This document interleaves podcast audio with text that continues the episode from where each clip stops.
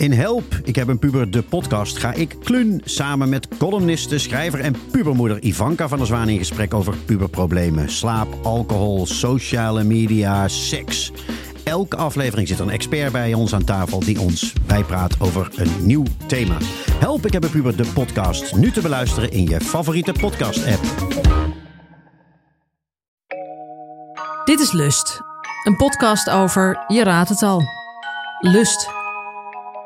Mijn relatie strandde toen ik 47 was en ik heb daarna mijn innerlijke cougar uit haar kooi gelaten. Ik ben opnieuw begonnen met een jonge man. Of twee. Of drie. Want, zo heb ik ontdekt, als je niet bang bent om te zeggen wat je wilt, lak hebt aan de vooroordelen van een ander en krachtig in je lijf, gezondheid en seksualiteit zit, wordt de wereld een lui lekker land van razend enthousiaste snoepjes die onvermoeibaar van mijn ervaring willen leren, onverbloemd complimenteus zijn aangelegd en nooit meer anders willen dan een cougar. Oh ja, en het de hele nacht kunnen volhouden. De seksuele aantrekkingskracht tussen de jongere man en de oudere vrouw is bekend, veel voorkomend, veel beschreven en volstrekt normaal. De energie matcht volledig met elkaar. In deze podcast gaan we mijn spannende seksuele ontdekkingstocht bespreken. Met een bonte collectie jonge mannen, ik hoop dat jullie allemaal luisteren, vol acrobatiek, onverwacht veel romantiek, seks om de seks en soms iets wat stiekem toch op liefde lijkt. Dit klinkt natuurlijk heerlijk, maar het maakt me ook wel onzeker. Het is een soms nogal verwarrende zoektocht. Hopelijk is deze podcast een inspiratie voor jou om te gaan staan voor wie je bent, of je nu wel of niet in een relatie zit. Lieve Krun, hoe was je week? Heb je nog iets bijzonders meegemaakt op het werk? Mm, het was vooral heel druk deze week. Wat je gewoon merkt. Dat is goed. Ja, nee, maar zo vlak voor de zomervakantie zie je vaak dat uh, de druk oploopt. Uh, juni is natuurlijk een drukke maand, heel vaak op scholen met heel veel sluitingen van uh, ook van de muziekscholen. Maar ouders hebben veel verplichtingen, hebben veel sociale events en de vakantie komt eraan en dat zet veel druk op de relatie. En ik zie eigenlijk altijd mei, Oh. juni het heel sterk oplopen. Oh, echt? Ja. Je zou denken, dan schijnt het zonnetje en dan hebben ze er weer zin in. Maar dat is dus... Uh... Ja, grappig genoeg, je, je hebt gelijk. Sommige stellen zeggen, vakantie kunnen we heel goed samen. Ja. En daarbuitenom is het niks. Maar ik zie altijd voor de zomervakantie een sterke toename van, van cliënten. Dus ik het eigenlijk uh, propvol. Dus als ik hier niet had gezeten, had ik nu in mijn praktijk. Oh, wat heerlijk. Nou, ik had een heel kalm weekje. Ik had echt behoefte aan een dekentje en niet aan een pannetje. Voor onze vaste luisteraars is dit natuurlijk heel duidelijk. Maar echt zo'n week dat ik dacht, ik zet even geen pan op het vuur. Ik ga even afwassen. Ik hoef even geen uh, gedoe. Oké. Okay. Ja, ik vond het wel heel bijzonder uh, dat er een jongen van 20 interesse toonde in mij. Vond ik toch shocking. Die ja. had het over zijn tentamens en dingen. En toen dacht ik, ja nee, dit gaat echt... Dit is too much voor mij. Maar je hebt wel even met hem Ik heb wel even met hem gepraat, ja. En wat, maar... wat, wat, wat, wat zet jou dan aan om toch met hem te praten? Wat is dat? Nou, dat is dan de leeftijd. En ik denk, wat bezielt je? Mm -hmm. Ja, maar je ziet er zo goed uit. En het is, ja, dan denk ik, ja, het is allemaal enig. Maar dit is echt too much voor mij. Nee. En heb je het nu afgesloten of loopt er nog een heel dun lijntje? Nou, toen hij zei, ik ga mijn tentamen maken, zei ik, nou, succes. Groet aan je moeder. Ja, nee, en je zo. kroop terug onder je dekentje. Ja, en, en, en eigenlijk is dit ook wel een bijzonder mooi bruggetje naar het soort van het thema vandaag. Want we gaan het vandaag even over schaamte. Hmm. Straks daar natuurlijk meer over. Maar toen dacht ik wel even in mijn hoofd van... oké, okay, weet je, ik vind mezelf best wel open en een vrije geest. Maar het idee dat ik dan met iemand van 20... Uh, even verder bordurend, wat ik me niet kan voorstellen. Maar stel dat je verliefd op iemand wordt en iemand op jou... en je gaat daar dan een soort relatie mee starten. Dan lijkt me dat toch een dingetje.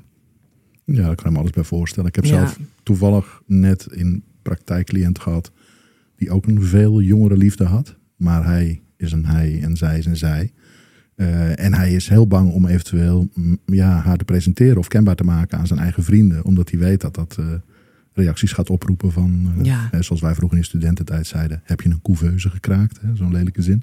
Maar daar is hij oh heel erg beducht voor.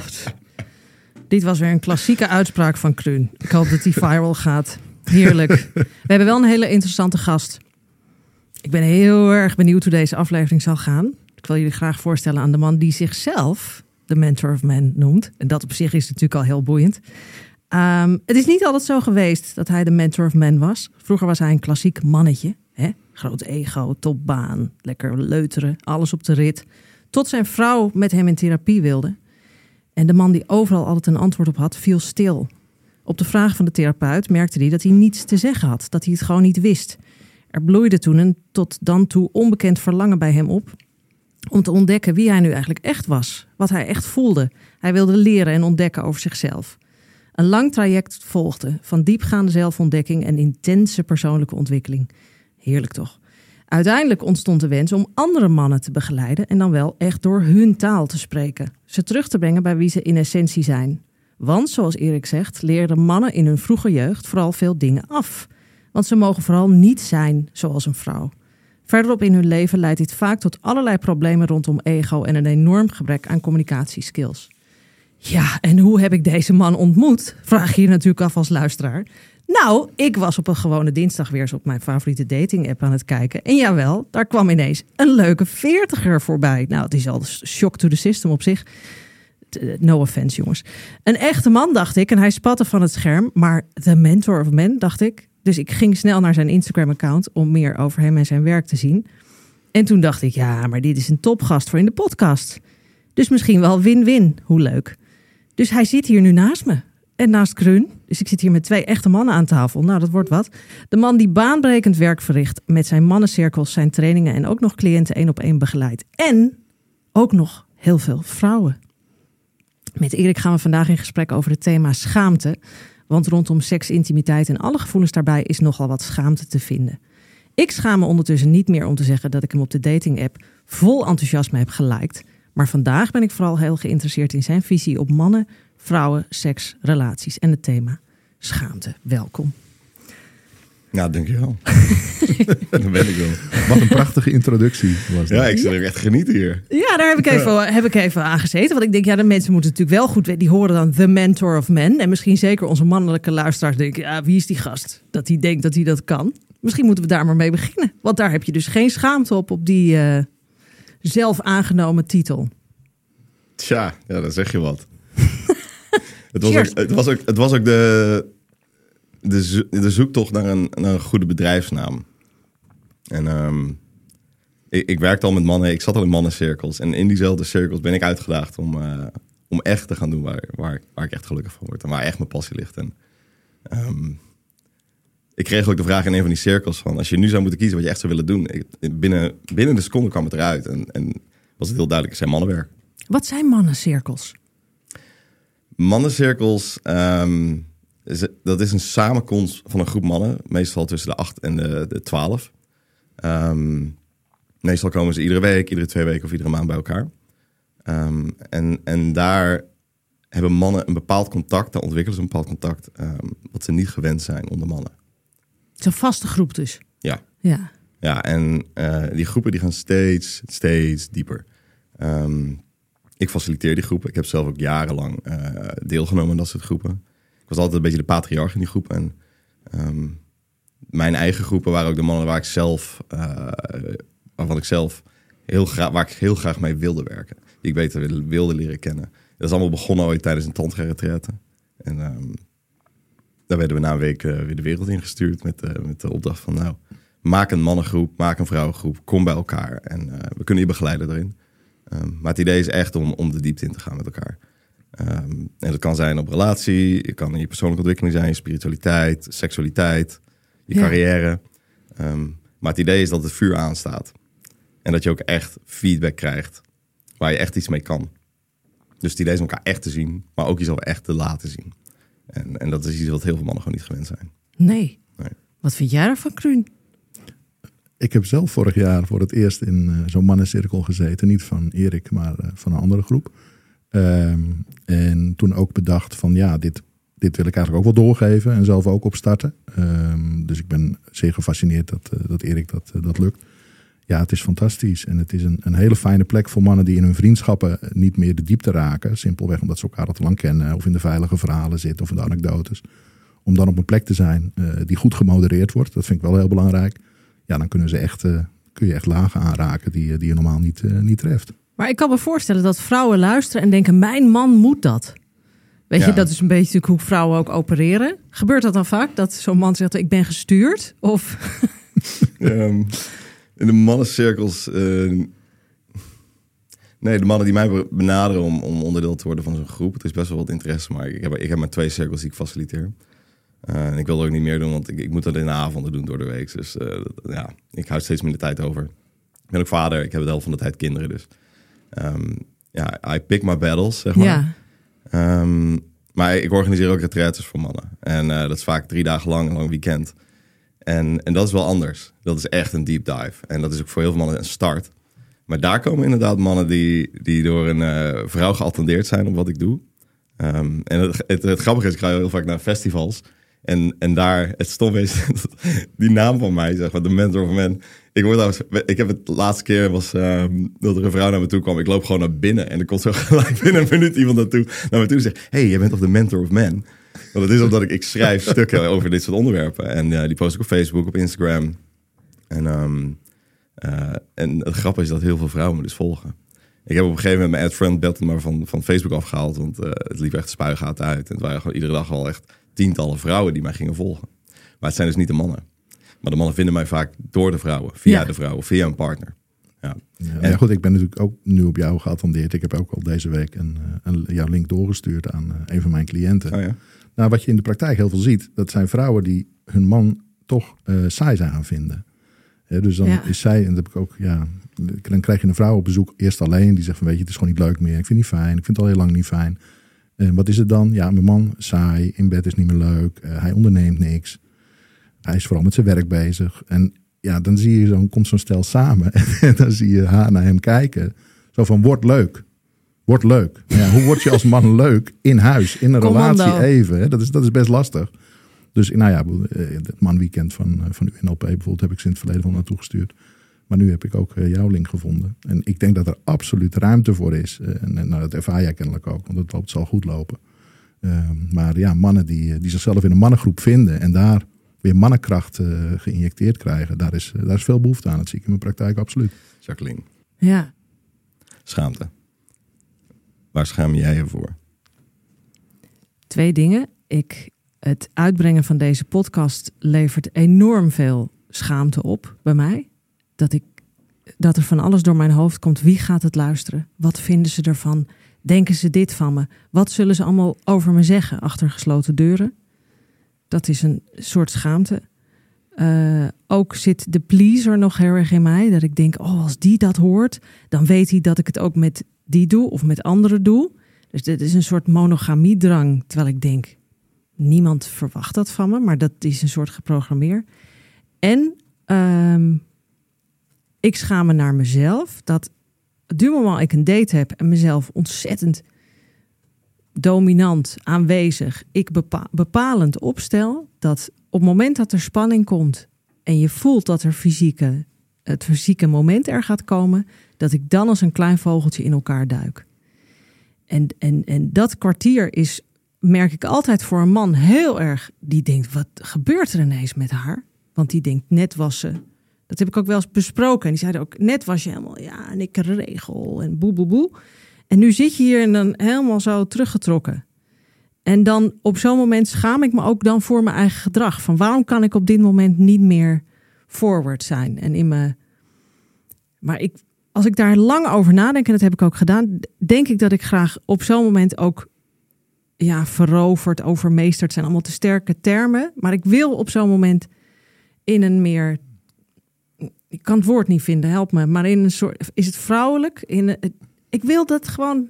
Volgend. Wat een van mijn dates heeft gedaan. Die zei: Kom jij eens even hier zitten. En toen voelde ik ook: Dat is wat ik wil. Die liet zich nul intimideren door mm. mij. Maar is het dan dat je geleid wil worden? Ja, dat is het woord.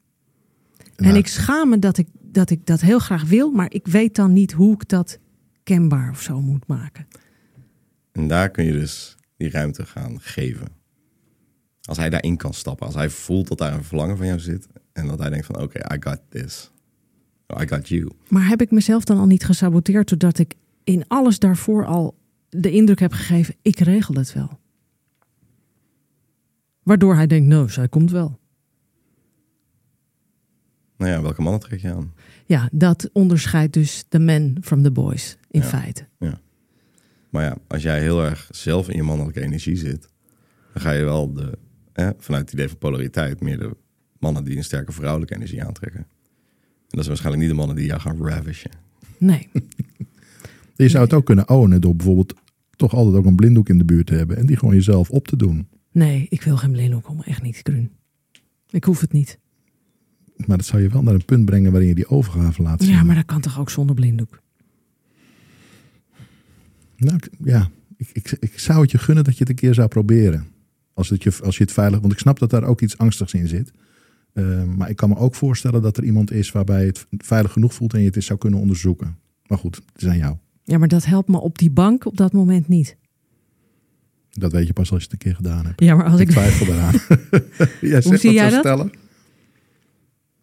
Ik denk dat het probleem zichzelf gewoon oplost. Want jij vindt de mannen die je wil, die doen dit. En de mannen die het niet doen, dan weet je ook genoeg. Ja, dan weet je, dit is het niet. Maar inderdaad, weet je hoe je jezelf meer de overgave krijgt.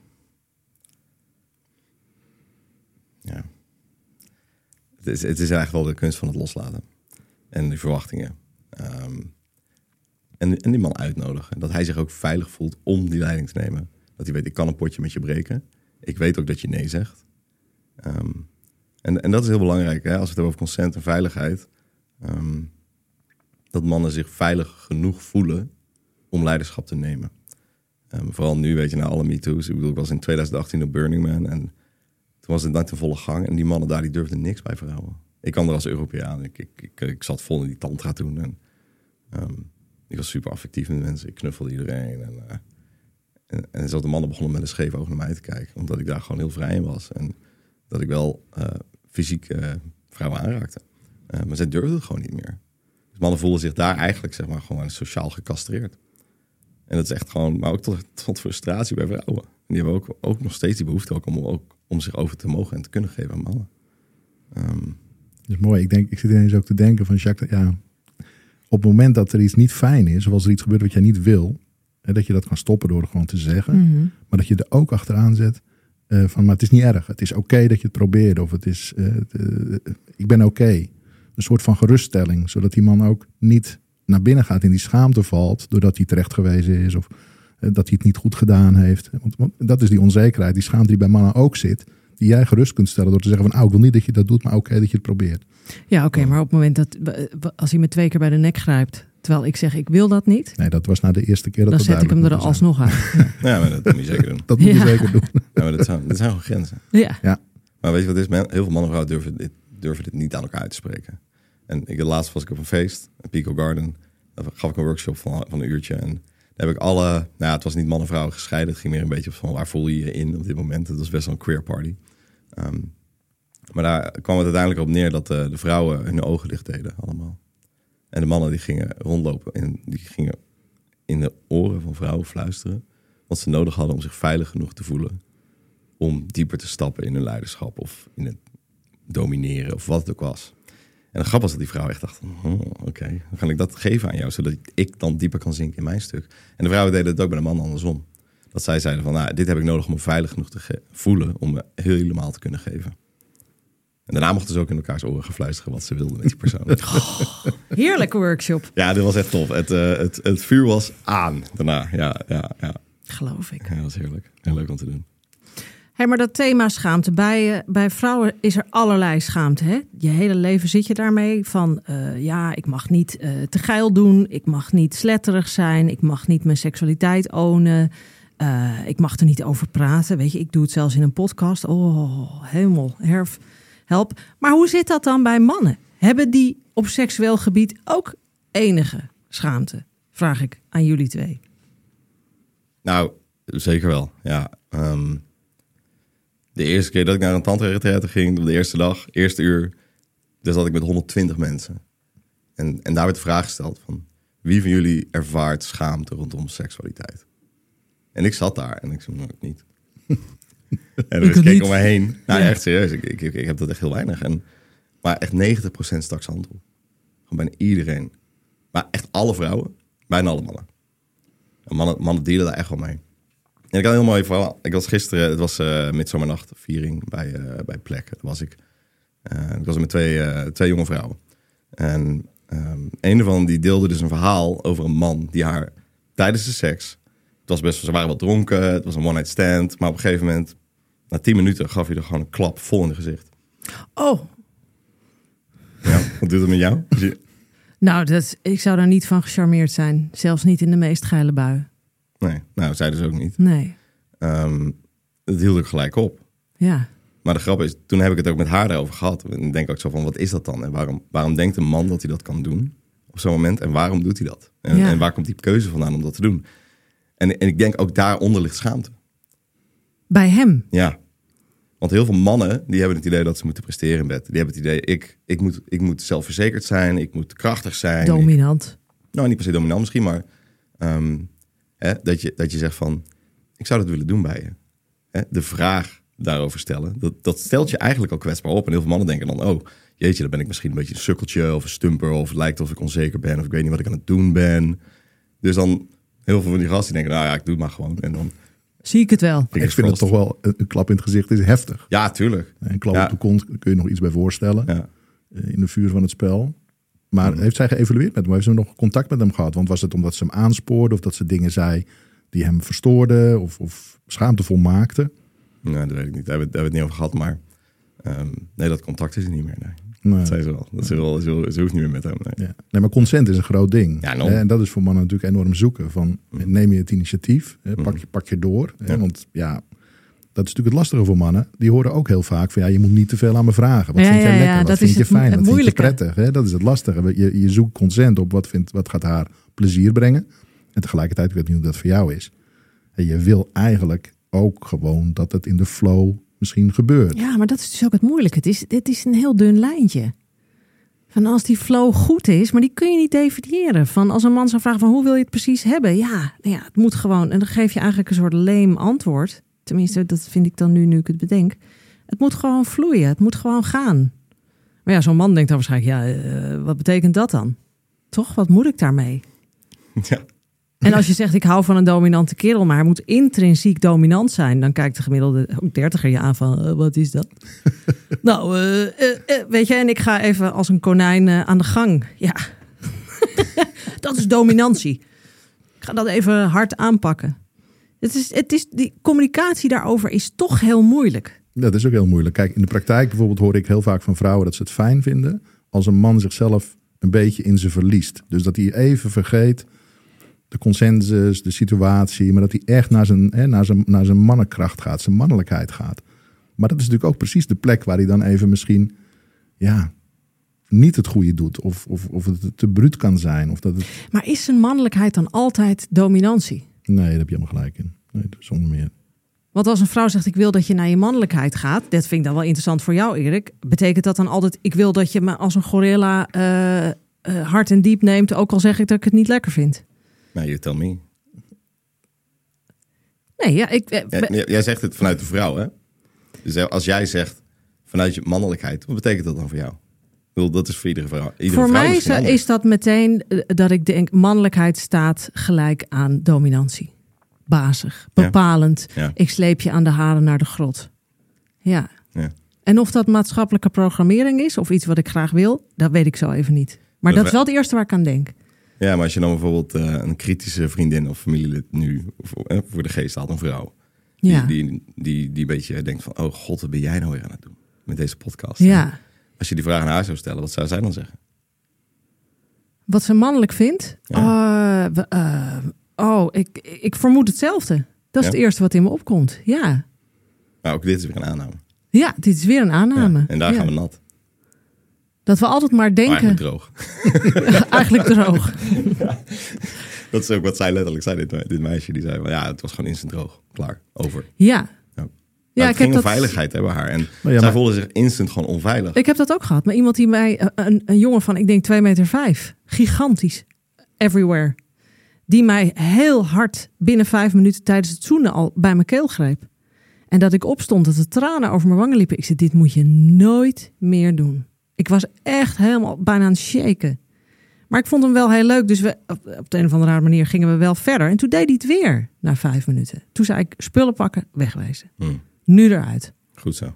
Ja, echt meteen. En ik was ook heel trots op mezelf. En ik. eh, Scha eigenlijk in mij zat iets. En dat is natuurlijk. Ik ben ook opgevoed heel erg van. Je moet een lief meisje zijn. Je moet plezieren. Je moet er eh, het, het rokje over de knieën. En maar wachten wat er op je afkomt. En dat op dat moment die programmering protesteerde van je kunt die jongen toch niet zomaar de deur uitzetten. Terwijl mijn hele hoofd zei, ja flikker op, wegwezen. Mm. Maar dat toch die meisjesschaamte erin zat. Van kan ik hem nu wel wegsturen? En dat is natuurlijk absurd. Nou, daarom zeg ik ook goed zo. Want, want dit, ik, ik heb tegenwoordig de helft van mijn cliënten zijn vrouwelijk. Want die willen heel graag werken aan relaties en beter kunnen relateren aan mannen. En ik schrijf wel over mannen. Maar uiteindelijk, weet je, vrouwen hebben er evenveel aan. Ehm, maar wat ik echt bij al mijn vrouwelijke cliënten zie, is dat ze heel erg inschikkelijk zijn. Ja, En als jij dus zegt van, hij heeft, ik heb hem eerst een waarschuwing gegeven en daarna deed hij het nog een keer, het was gewoon klaar. En dan denk ik, ja, ik, ik sta je gewoon bijna te applaudisseren. Want ik denk van, jij, jij stapt daar overheen. En jij stapt dus eigenlijk over je schaamte heen ja, en je inschikkelijkheid. ja, En de schaamte is van je uitspreken, je grenzen durven aangeven. ja. Want eigenlijk, je moet maar mee gaan zijn als, als vrouw. Ja, maar dan denk ik de honderden keren dat ik dat heb gedaan. In mijn, in mijn jaren twintig. Mhm.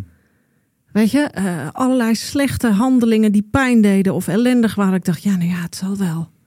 Mhm. Hij weet vast niet beter. En ik kan toch niet tegen hem zeggen dat ik het anders wil. Ja, dat is echt voorbij. Even terug naar wat je daarvoor zei, eh, Erik. Want eigenlijk wat Jacqueline zegt is van de dominante van mannen vind ik fijn. En dat heeft toch wel iets te maken met, met initiatief pakken. Of eh, Ja.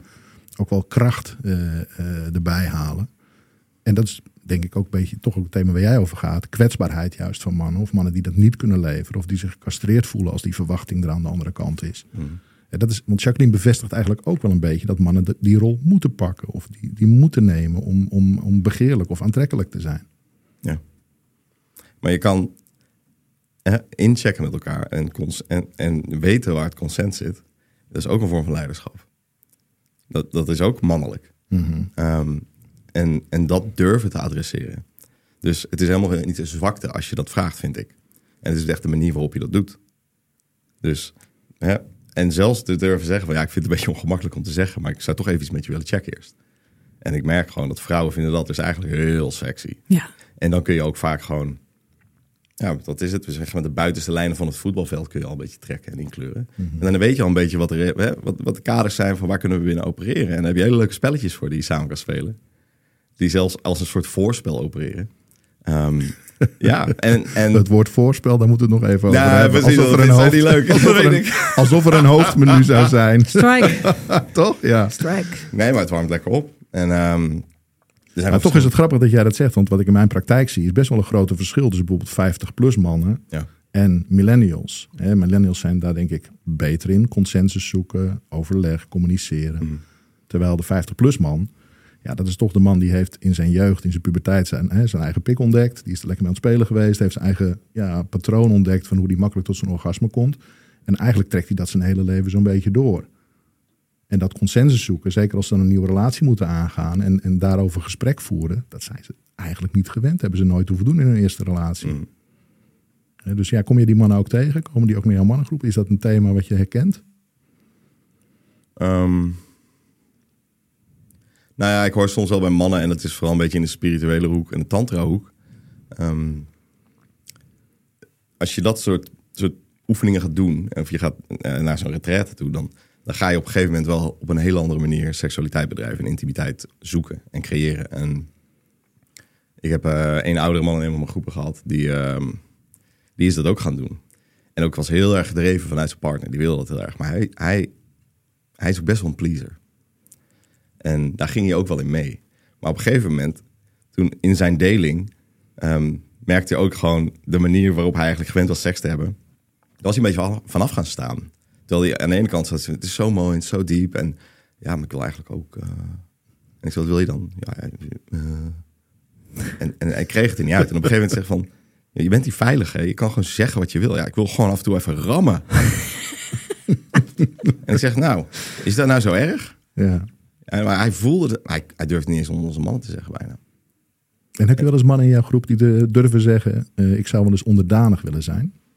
Heb jij die, Ja. Ben je die wel Jacques, tegengekomen, Jacques, al? Ja, Ja? ja. Kijk, Ja, stralen. Want Ja, ik nee, maar dat zij ik zit zo te tegenkomt, denken, nee, ik denk even nu aan jou. Kijk, jij hebt intussen ervaring natuurlijk met 40-plus mannen, misschien ook wel 50-plus mannen, heb ik er nog nooit over gehoord. Nee, Eh, nog geen maar ook eh, twintigers en, en dertigers. Merk jij verschil eh, tussen die verschillende mannen over hoe ze met, consent, met, hoe ze met consent Nee, omgaan? nee, niet van die leeftijdsgroep is zo. Nee, het is echt persoonsafhankelijk. Ja. Ja. En vind je het fijn als die consent gezocht wordt? Of is het ook wel eens spannend als het Nou, juist ik herken me helemaal in wat Erik vertelt. Van, ik eh, heb een, een tijdje een minnaar gehad. En die, en die vroeg, vind je dit lekker? Vind je dit leuk? En dat deed hij op een manier. Dat, het was super opwindend. Ja, het was heel goed. Dus dan werkt toen het dacht wel. ik, wauw, hij vraagt dat gewoon. Ja, maar hij ging niet zitten van, oké, laten we even praten over hoe hard en wanneer en hoe ik het moet opbouwen. Nee, het was eigenlijk tijdens. En dat gesprek was zo een opening. Ja, fantastisch. En die was net 30 of zo. Ja, Mooi, ja. dat is leuk. Vond ik heel wonderlijk. Gezien ook zijn leeftijd, vond ik dat heel wonderlijk. Ja.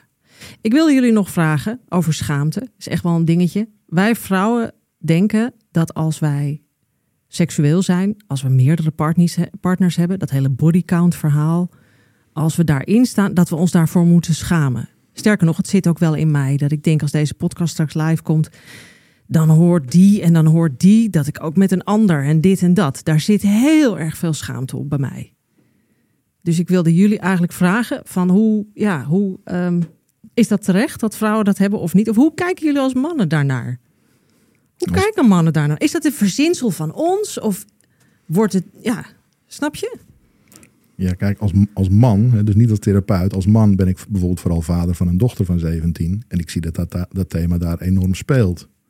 Eh, en ik zou willen dat dat niet zo was. Ik zou ontzettend graag willen dat seksuele vrijheid bij vrouwen, eh, de schaamte voorbij, toch ook een mooie titel ooit van een boek, dat dat er zou zijn. Eh, maar het is inderdaad, en ik denk misschien dat vrouwen onderling nog wel harder zijn dan mannen over vrouwen op dit aspect. Ja, maar dat merk ik ook wel. Ja, dat Ja, ja, ik merk ook, er zijn vrouwen om mij heen dat als, wat ga je dan doen, Jacques? En dan vertel ik dit en dat. Dan, dan komt er niet eens een woord, maar een afkeurende blik van, nou, eh, ik vind dat heel raar hoor. ja. Heel raar. Ja, wat ik ken in mijn praktijk, dan heb je een relatie waarbij de man eigenlijk geen libido meer heeft. Dat kan door ziekte zijn, dat kan door zijn leeftijd zijn, diabetes of wat voor reden dan ook. En ook geen potentie. Dat hij eigenlijk zegt van ja, maar hè, ik vind het prima als mijn vrouw een minnaar zou zoeken. Maar dat het voor een vrouw een, een enorme drempel is om Ja, zich dat dat, zelf dat toe is dan te staan. hoerig of zo. Nou, Ja. Om jezelf dat toe te staan, om jezelf dat te gunnen, om Hmm. je eigen seksualiteit te ownen. Dat, is, ja, ik- dat herken ik absoluut. Jij, Erik? Ja, Met zo'n gezicht van breek me de bek niet open. ja breek me echt de bek niet open. Ik, ik, ik heb hier echt eh, een hele duidelijke mening over. Nou. Ehm, ik vier het woord slet. Ehm dat is ook een heel mooi boek, The Ethical Slut. Voor alle vrouwen die, die nu luisteren, zou ik zeggen, koop dit boek nu. Ga het lezen. De schaamteloze slet. Het is Ja. er ook in het Nederlands. Ja, in het Nederlands, Ja, ja. het is in bol, op bol.com weer te Ja. krijgen. Ja. Ehm, maar het mooie, ehm, die, die dames, die twee dames die dat boek geschreven hebben, die hebben ook gezegd van, weet je, we zijn altijd geshamed voor wat we willen. Mannen worden, zijn koningen, vrouwen zijn slet en hoeren. Ja, ja. En het is eigenlijk heel hypocriet. Ehm, dus weet je, wij pakken dit woord. Want ja, eigenlijk dan zijn wij dat gewoon. Maar weet je wat het is? Wij nemen dit woord, we maken het ons eigen.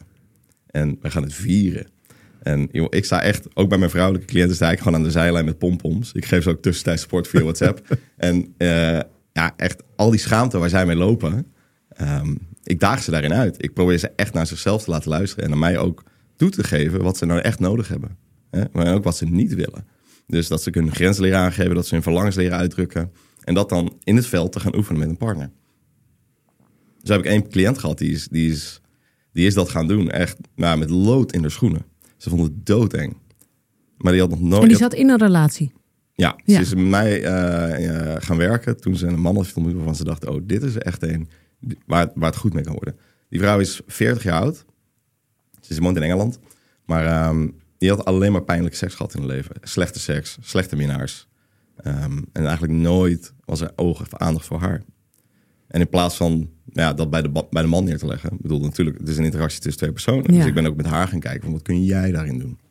Maar dat betekent wel, je moet echt ownership gaan nemen voor je eigen seksualiteit, voor je eigen verlangens, voor je grenzen. En dat is gaan doen. En echt een maand later, toen, toen kwam ze online en ze zat gewoon met tranen in de ogen en een gigantische grijns op de mond. Zat op de bek, stond ze, zat ze achter die webcam en ze zat te high five tegen de webcam. Zo van, Erik, ik ben gewoon klaargekomen door penetratie. Ik ben überhaupt klaargekomen, weet je, maar ook nog eens daardoor. En ja, die was gewoon echt aan het huilen. Want als ze thuis kwam bij, bij haar eigen seksuele zelf. En dat vind ik dan mooi, want ik heb die vrouw nooit ontmoet. Dat doen we gewoon via webcam. En nog steeds, weet je, het zit hem echt in, in haar eigen beleving. En eh, dat ze echt durft te gaan staan voor, voor wat ze wil. En wie ze. Ik ga toch, ik, ik- heel even, want jij zegt van ja, en ze kwam zelfs klaar door Ja. penetratie. Ja. Alsof dat een ideaal zou moeten zijn. Dat hoeft natuurlijk helemaal niet. Nou, sterker nog, het kan bijna niet. nee, daarom. Nee, maar het is best wel uitzonderlijk. Het is Ja. uitzonderlijk, ja. Ja, ja, ja. precies. Als je het zo bedoelt, snap ik. Ja. nou ja, ja. je kunt ook zo zien dat ze zo opgewonden was dat ze dat of zoiets. Ja. dat het niet per se met de penetratie samenhing, maar veel meer met de, de context. Oh ja. Ja. Ja, het mooie was, zeg maar, dat, en wat zij heeft geleerd ook, is dat die man, zij is gewoon heel, er zit heel veel angst in, in die schaamte. En, en het is best wel een toxische angst, die heel, heel vroeg al in vrouwen geduwd wordt. Ja. Van, je mag er niet voor gaan staan, weet je. En als je dat doet, dan ben je niet oké. En eh, zij heeft een angst voor verlies als ze dat gaat doen. Dat ze verlaten wordt.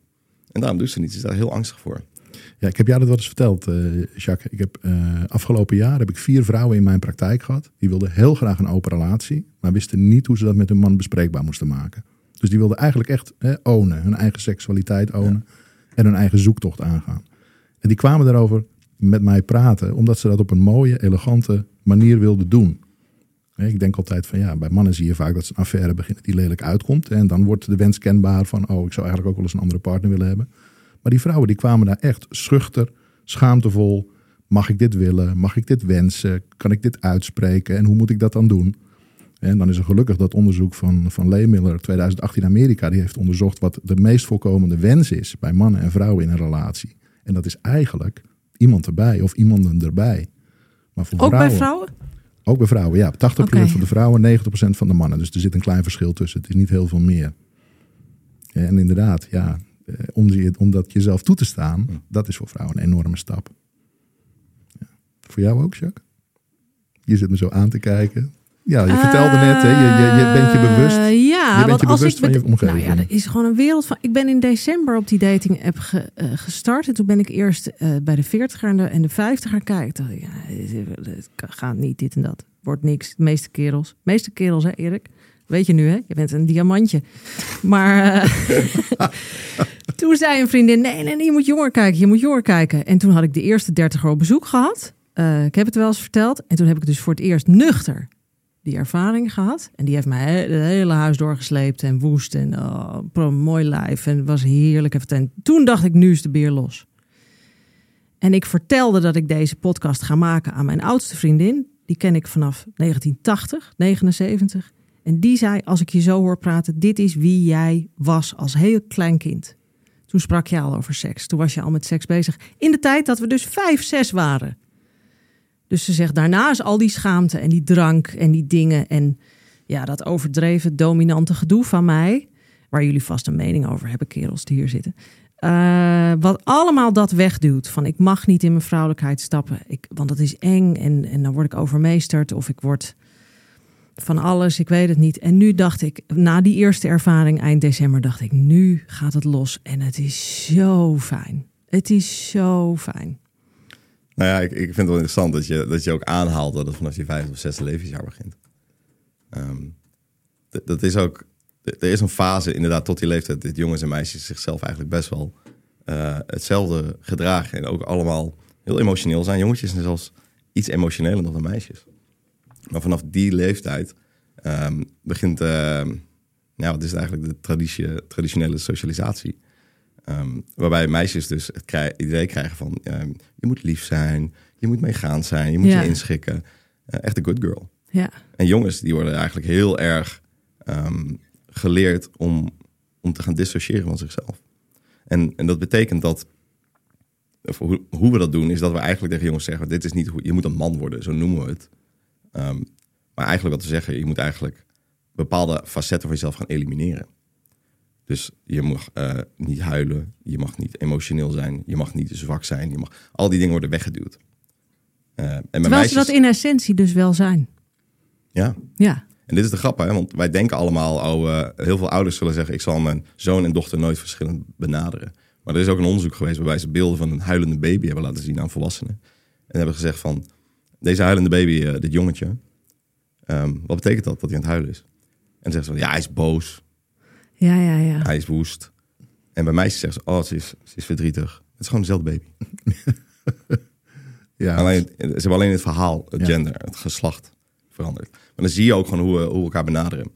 En nog steeds, weet je. En, en dat zit er gewoon zo diep ingebakken. En dat staat ons echt allemaal in de weg. En ook seksualiteit, me too. Volgens mij is het allemaal uitwassen van, van wat we erin hebben gestopt op jonge leeftijd. Ja. Ja, dus is er dan hoop voor de toekomst? Voor uh, seksualiteit, balans, dingen, openheid, meer schaamteloosheid? Zie, je een, zien jullie een verschuiving? Ja. Ja? Ik ben een paar jaar geleden ging naar een uh, avond, uh, die heette Monopoly. Die ging over allerlei vormen relaties. Maar wel met, met, met de focus op non-conventionele relaties. En ik kwam daar veel te laat aan. Ik, ik ben heel vaak te laat. ik was vandaag precies op tijd trouwens, tien uur. Maar um, ik loop die zaal in en er was alleen nog helemaal vooraan een stoel. Maar ik, ik kijk door die zaal en daar zaten 90% millennial meiden. En een paar jongens, maar die waren echt meegesleurd door hun partners. maar die Jij meiden, moet mee. Die meiden die waren echt, die, die, waren gewoon, die zijn gewoon bezig met hun eigen volgende golf. Weet je, een soort van feministische golf. En, en de herdefiniëring van wat seksualiteit voor ze betekent. Ja. Ja. ja, en dat is ook wat Esther Perel voorziet. Hè? Dat uiteindelijk die generatie meiden het hele relatielandschap heel erg gaat veranderen. Omdat die hun eigen seksualiteit gaan ownen. Die gaan veel autonomer daarin worden. Ja. En dan zie je natuurlijk het grappig. Want dan ben ik heel benieuwd naar wat jij daarin ziet bij schaamte bij mannen. Dat, eh, wat ik al zei, mannen in hun jeugd uh, leren ze zichzelf hoe ze makkelijk tot een orgasme komen. Dat wordt een soort dominant domino-steen verhaal in hun hoofd. Mm. Wat ze blijven aanhouden.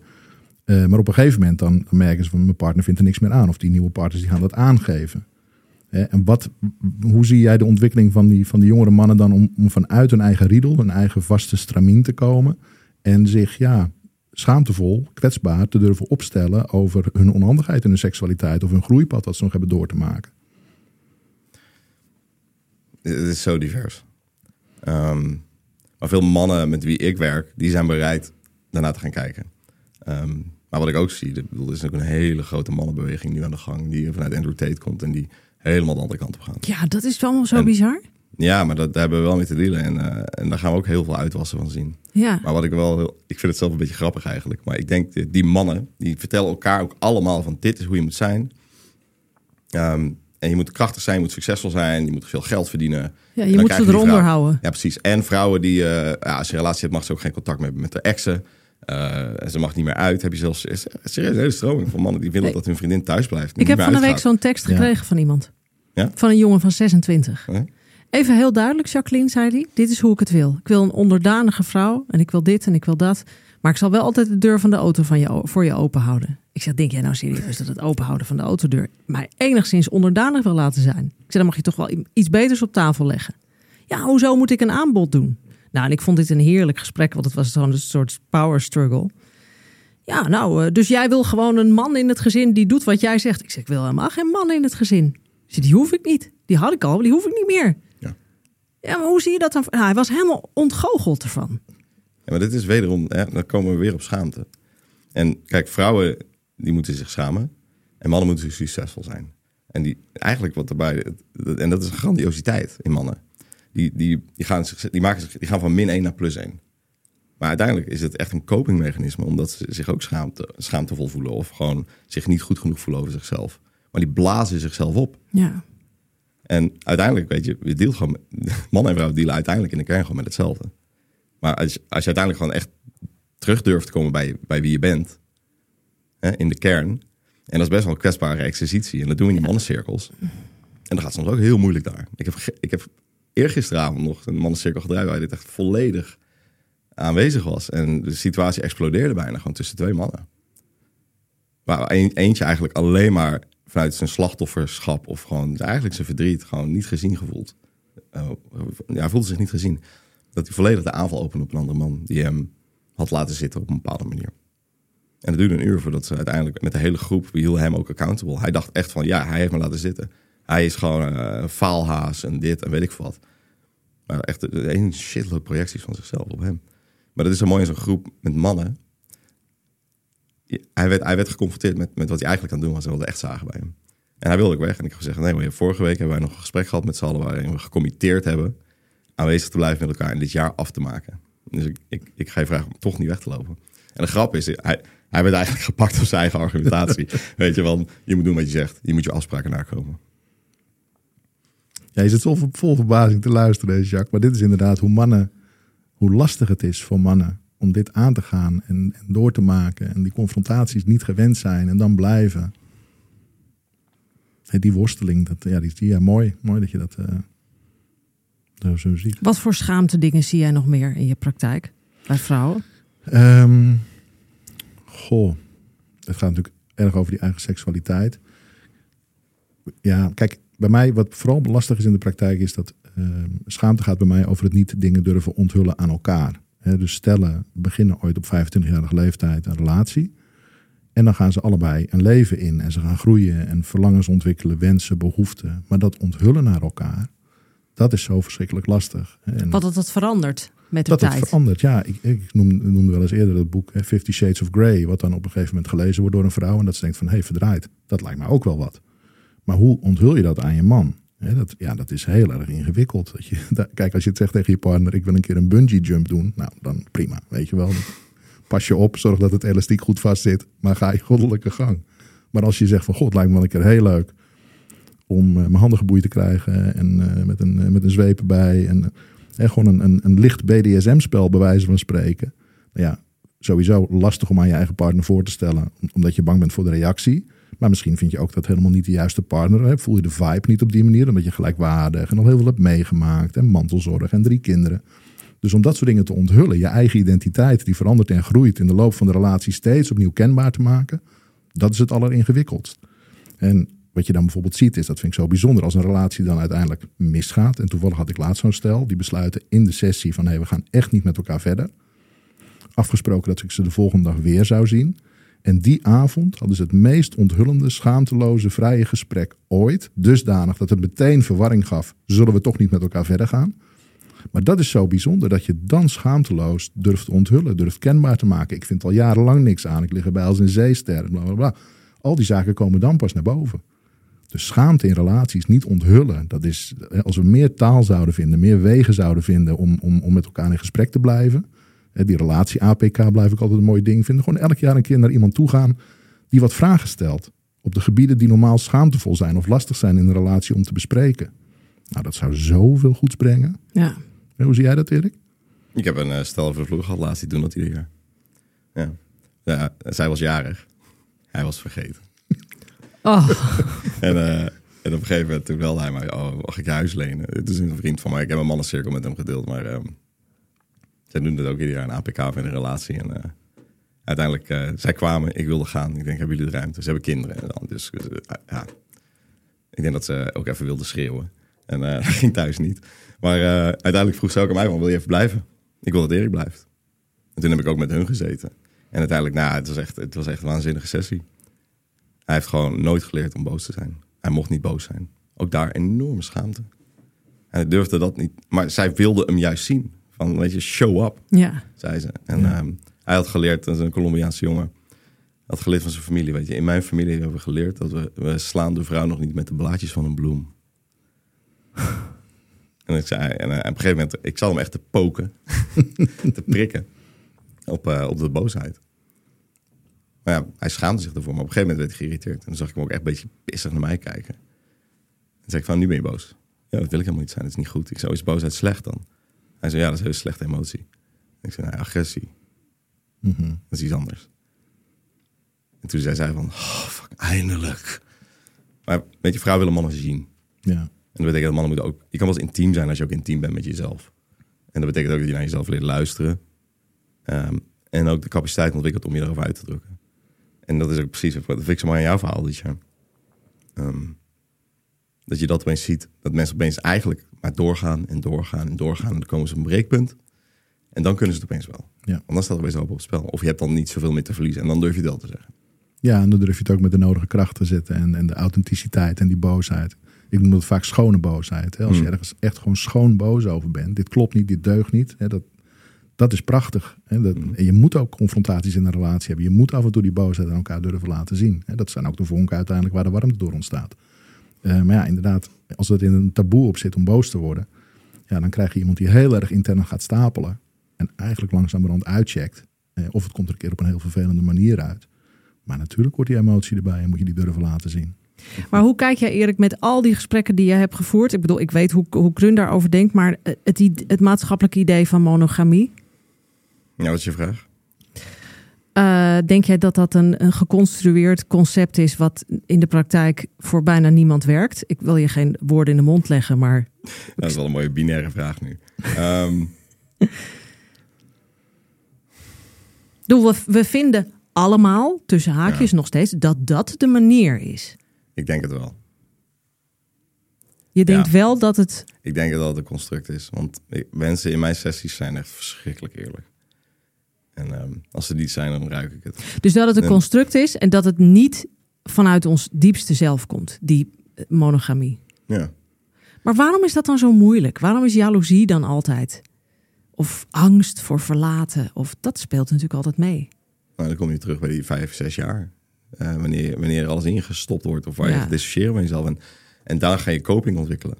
Maar dan, dan ga je heel erg het gevoel... De meeste mensen hebben dit, dat ze een soort van dat, er, dat de liefde conditioneel is.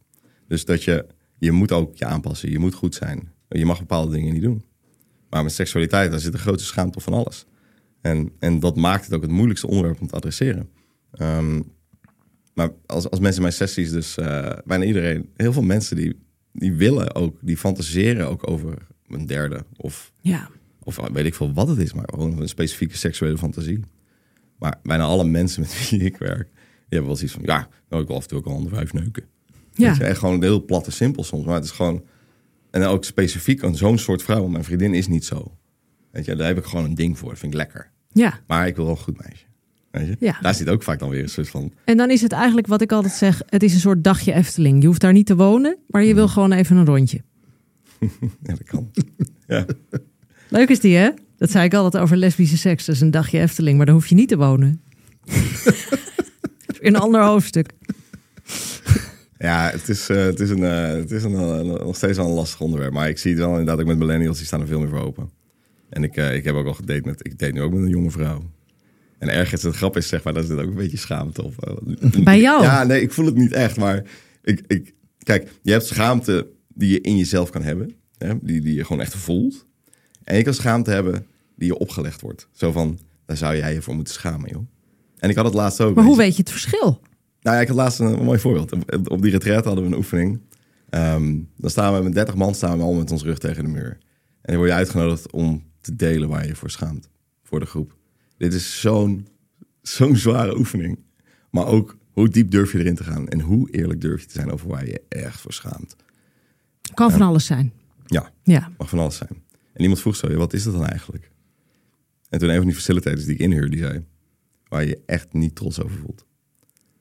En de grap daar, zeg maar, dan merk je ook dat dan man, mannen gaan naar voren. En die gaan een groep aankijken en die gaan dan delen.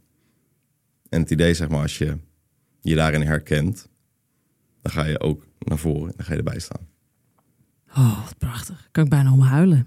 Nou, Heel de, mooi. De, de tissuebox was leeg. Ja, dat geloof ik, ja. Maar, uh, Over de lijn klinkt het. Ja, dat, ja, dat ja. Het, ja. ja. Maar um, ja, daar zie je ook gewoon de taboes die er dus ook in mannen schuilen. Mhm. Die kwamen daar naar boven.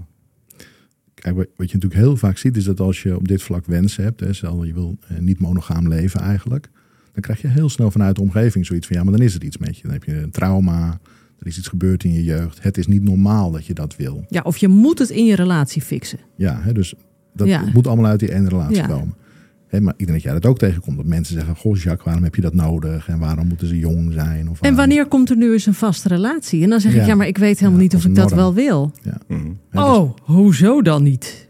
Zo van, ik heb dat toch ook? nou ja, dat is normatief. Ja. En dat is ook wat de maatschappij zegt. Dat is, dat is uiteindelijk het doel. Je mag een beetje scharrelen, maar dan moet je wel op een gegeven moment mee stoppen. Hè? Ja.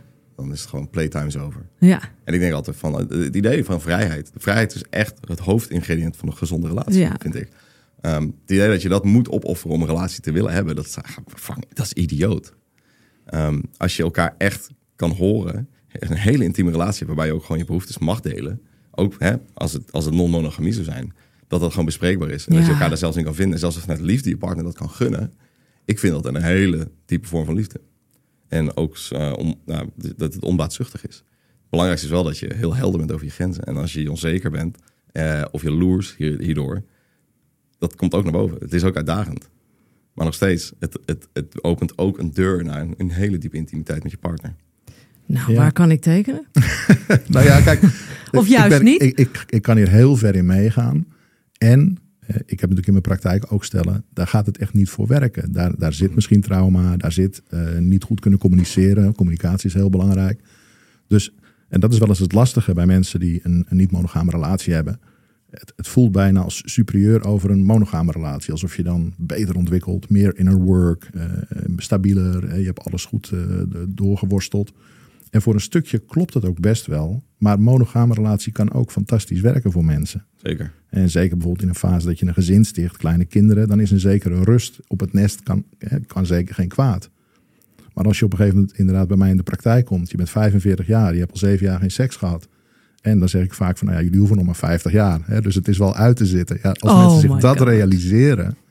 Maar hoe breng je dat dan weer op gang met die partner die je al zo lang kent en die je van binnen al zo lang afgewezen hebt? Hoe breng je dat dan op gang? Ja, dan, dan komen de fantasieën natuurlijk van iemand erbij of iemand erbij. Of een erotische omgeving zoeken. Of naar een, eh, naar een erotisch feest gaan of wat dan ook. Die komen aan de orde. En daar ben ik dan ook wel voor. Ik, ik ben wel voor om bij de mensen de prikkel neer te leggen. Zoek samen eens iets op waarin dat zou kunnen ontstaan. Maak Denk- van tevoren goede afspraken. Maar zoek er eens een keer iets in op. Durf eens iets aan te gaan. En dat mag wat mij betreft ook zijn. Een festival en een pilletje. En daar een beetje zoenen en knuffelen. Hè, maar ja, zoek prikkels die, die maken dat je de ander weer op een andere manier ziet. Hmm. En ja, voor sommige stellen is dat een fantastische doorgang. Nee, maar dit is ook echt, eh, als we weer bij mannen komen, dit is ook waar het vaak misgaat. Ehm, mannen zijn ook heel vaak soms een beetje een fraudeur in de, in de, in de, in de romanticizing fase, weet je, de honeymoon phase. Dat ze zichzelf echt als een soort van, soort, soort wat is het, een paradijsvogel met die grote veren opzetten. En dat ze een dansje doen en laten zien hoe succesvol ze zijn en hoe charmant ze zijn. En eh, ze nemen ermee uit eten of, eh of, een- Houden de deur van de auto open. Nou, bijvoorbeeld. Ehm, nou, maar het zijn allemaal van die dingen waarbij je echt gewoon ehm, eigenlijk eh, je gaat de verovering in. Hè? Hmm. En ik, de- een van mijn eerste cliënten die, die ging gewoon een keer een middag weer wandelen in de duinen en hij zat alleen maar te zeuren eigenlijk over hoe hij dat allemaal kwijt was geraakt, de seksualiteit en de aantrekking en eh, we hebben nooit meer seks. En ik zei, nou, hoe gaat het dan? En hij zegt van ja, ehm, ja eerst moet de maan goed staan. Dan moet ik een geit slachten. Ehm, ik moet nog even een paar dansjes doen. Ik moet koken. Ik eh, moet kinderbed brengen. En dan misschien, heel misschien, misschien mag ik erop. En ook die woorden. Hè? Mag ik erop Ja, ook? En, ja. en, en het was gewoon... Ik, ik luisterde ernaar en ik dacht van... Nou, je zit best wel van een slachtoffer hier, weet je. Van, oh, ik, ik, ik, wat ik ook doe, het is allemaal niet goed genoeg... en ik moet er zoveel voor doen. En, en ik vroeg ook aan hem van, hoe deed je dat dan toen je elkaar ontmoette? En toen, was, toen kwam ze van, ja, fuck. Toen deed ik het inderdaad allemaal heel anders. En toen deed je veel meer, zijn moeite, veel meer moeite. En, ehm, maar hij zei ook van, ik, ik, wil ook, ik wil ook het hof maken. hè. En ik geef, hem haar, ik geef hem mijn creditcard en dan zeg ik, ga lekker naar een lingeriewinkel. Eentje met champagne en eh, zoek iets moois uit. Ja, precies. En het enige wat ik tegen hem zei is van, nou, maar kijk, je creditcard geven is niet leiding nemen. Waarom, waarom zeg je niet tegen ze van, weet je, ik heb oppas geregeld, ik neem je vanmiddag mee. En neem je ermee naar die winkel. Weet je, en dan zeg je, schat, laat me zien wat je mooi vindt. Ik ga genieten. En eh, je mag uitkiezen wat je wil, ik betaal. Dat is heel anders. Ja. is mij nooit gebeurd. Zal ik zelf een aandeel in hebben? Ja? Ik ben Maar- te bazig. Nou ja, wat ik zo mooi vind, dat is die uitspraak ook eh, van Perel van eh, vrouwen zijn net zo dol op seks als mannen. Alleen niet op de seks die ze van hun eigen man kunnen krijgen. En dat gaat niet alleen over de handeling, maar dat gaat inderdaad ook over dat hele het hof maken en de pauwenveren opzetten. En wat jij net vertelt, zo naar een winkel meenemen. En dat is het hele stuk. En dat zie ik ook, toch, dan moet ik dat vaak tegen mannen zeggen. Weet je, jouw vrouw wil best, wil best seks, wil best Ja, het is het punt helemaal niet. Maar jij, je, je weet het niet meer aan te vliegen. Je verwacht het, hè, de huwelijkse plicht, ik heb er recht op. Maar je vergeet, je vergeet de context te creëren die je ooit wel creëerde. Nou, ga daar nou weer eens naartoe. En dat is eigenlijk ook wat jij zegt. Ja, maar dat is het mooie. Hè? Eigenlijk, je bent een soort historisch van je eigen leven. Hè, Je kan gewoon kijken van, eigenlijk, hoe heb ik nou eigenlijk dingen gedaan? Waar lagen mijn successen? En, en hoe heb ik dat? Hoe heb- ja. En dat zit echt in je hè, als man, merk ik. Want ik bedoel, hij, het feit dat het gelukt is, is ook het bewijs dat je weet hoe het moet. Alleen op een of andere manier worden we gewoon lui. En we nemen dingen voor lief. ja. Ja, nou ja, vaak heb je natuurlijk ook die fase dat die eerste en tweede kind geboren wordt. En dan Ja. verandert alles tijdelijk. En om het dan terug te vinden, hè, dat is ja de dat kunst. is moeilijk. Ja. En, dat, en, dat, en dat is denk ik iets wat, ja, daar mogen we met z'n- ons alle best bewust van worden. Dat die fase van, hè, dat de vrouw toch even broedstoof is, geboortekanaal eh, en dan moeder. En dan moet ze ook weer minnares worden, of dat is, hè, dat is ook een rol. Dat die man ook weer als minnaar op het paard gezet wordt. Dat blijkt bij heel veel stellen een hele lastige eh, stap te zijn, een lastige fase Mhm. te zijn. En daar kunnen mannen vooral heel veel in doen. Die zitten in slachtofferrol, dat snap ik. Ze hebben het gevoel van ja, er wordt toch niet naar me omgekeken. Er wordt niet naar me gekeken. Nee, maar op het moment dat, dat die fase zo enigszins achter de rug is en de vrouw weer terug is, ja, dan moet je wel een beetje moeite doen om haar ook weer in die rol van minnares te trekken. En daar hebben mannen kunnen daar echt wel iets in doen. Ja. En het leuke is, dit, is, dit geldt dus voor mannen en zowel als vrouwen. Dat, dat uiteindelijk gaat het echt over zelfleiderschap, in mijn optiek. En dat betekent ook dat als je vader wordt, dat je ook begrijpt wat dat betekent. En dat je ook echt die rol pakt en dat je leiding neemt. Ehm, en ik, ik heb nu een stel in Engeland waar ik mee werk, die, die, die struggelen hier echt mee. Ehm, hij heeft ADHD, zij autisme. Fantastische combi. Ehm, maar hij is gewoon flaky. En zij heeft stabiliteit nodig. Zij heeft voorspelbaarheid nodig. Maar ze is, aan het, ze is gewoon een sloof. En ze voelt zich gewoon niet gezien, niet gesteund. Nou, laat staan dat ze al nog geil wordt voor een beetje. Dus, en, en, en daar gaat het gewoon helemaal mis. Ehm, en ik, ik werk ook gewoon met hem één op één. En maken we gewoon plannen van, ja, wat, wat staat je nou eigenlijk te doen? En wat doe je niet wat je eigenlijk, waarvan je weet dat je het wel moet doen? Ehm, en hoe deed je het vroeger met haar? En uiteindelijk hebben we dat eigenlijk allemaal in kaart gebracht en gewoon acties op gedefinieerd. En, en, en na een week, ik, nou, hij geeft daar een commitment op, hij gaat het doen. En ik check met hem in van, hoe gaat het? Nou, hij, hij, hij begint zelf helemaal te stralen zelfs. Hij voelt zijn eigen kracht, hij voelt zijn eigen leiderschap weer. En zij ziet dat ook. En zij voelt zich ontlast. En opeens kan ze lekker een dagje weg met vriendinnen naar de sauna. En nou, ze hebben weer seks. Ja. Geweldig. Ja, maar het is eigenlijk helemaal niet zo ingewikkeld. Maar soms heb je gewoon even die reflectie nodig. Om even na te denken van, where did I go wrong? Ja. Hey Erik, um, ik weet niet of jij dat ook al meegemaakt hebt, Jacques, maar erectieproblemen bij mannen. Hè? Dat is natuurlijk een ding wat heel veel schaamte geeft in, uh, in de slaapkamer. Uh, kom je dat veel tegen? Wat, wat is daar jouw, uh, jouw visie op? Nou, eigenlijk, ik kom er niet zoveel tegen. Um, maar mijn visie daarop is wel dat het bijna altijd, bijna altijd een mentaal probleem is. En als ik inderdaad, als je gaat googlen op, op, op dit probleem, um, dan zie je echt heel, heel veel websites die programma's aanbieden waarbij het heel erg gaat over voeding en workout en al die dingen. Maar ik denk ook, als we het hebben ook over safe sex en dating, heel veel mannen die, heel veel mannen willen geen condoom gebruiken. Um, en dat is ook gewoon de angst voor een slappe. Of dat, hè, en, en dat er ook een, een pauzemoment zit in het spel, waardoor je op een gegeven moment afgeleid wordt en uit het moment gaat. En dan, ja, ik heb het zelf ook gehad vroeger, weet je. Als gewoon op een gegeven moment heel even die gedachte in je hoofd aangaat van, oh, het gaat toch niet? Oh, ik hoop niet dat het gebeurt. Ja, dan vergeet het maar. Dan gebeurt het. Maar het hele idee, zeg maar, is hierin ook weer, weet je, intimiteit. Kun je intimiteit bewaren?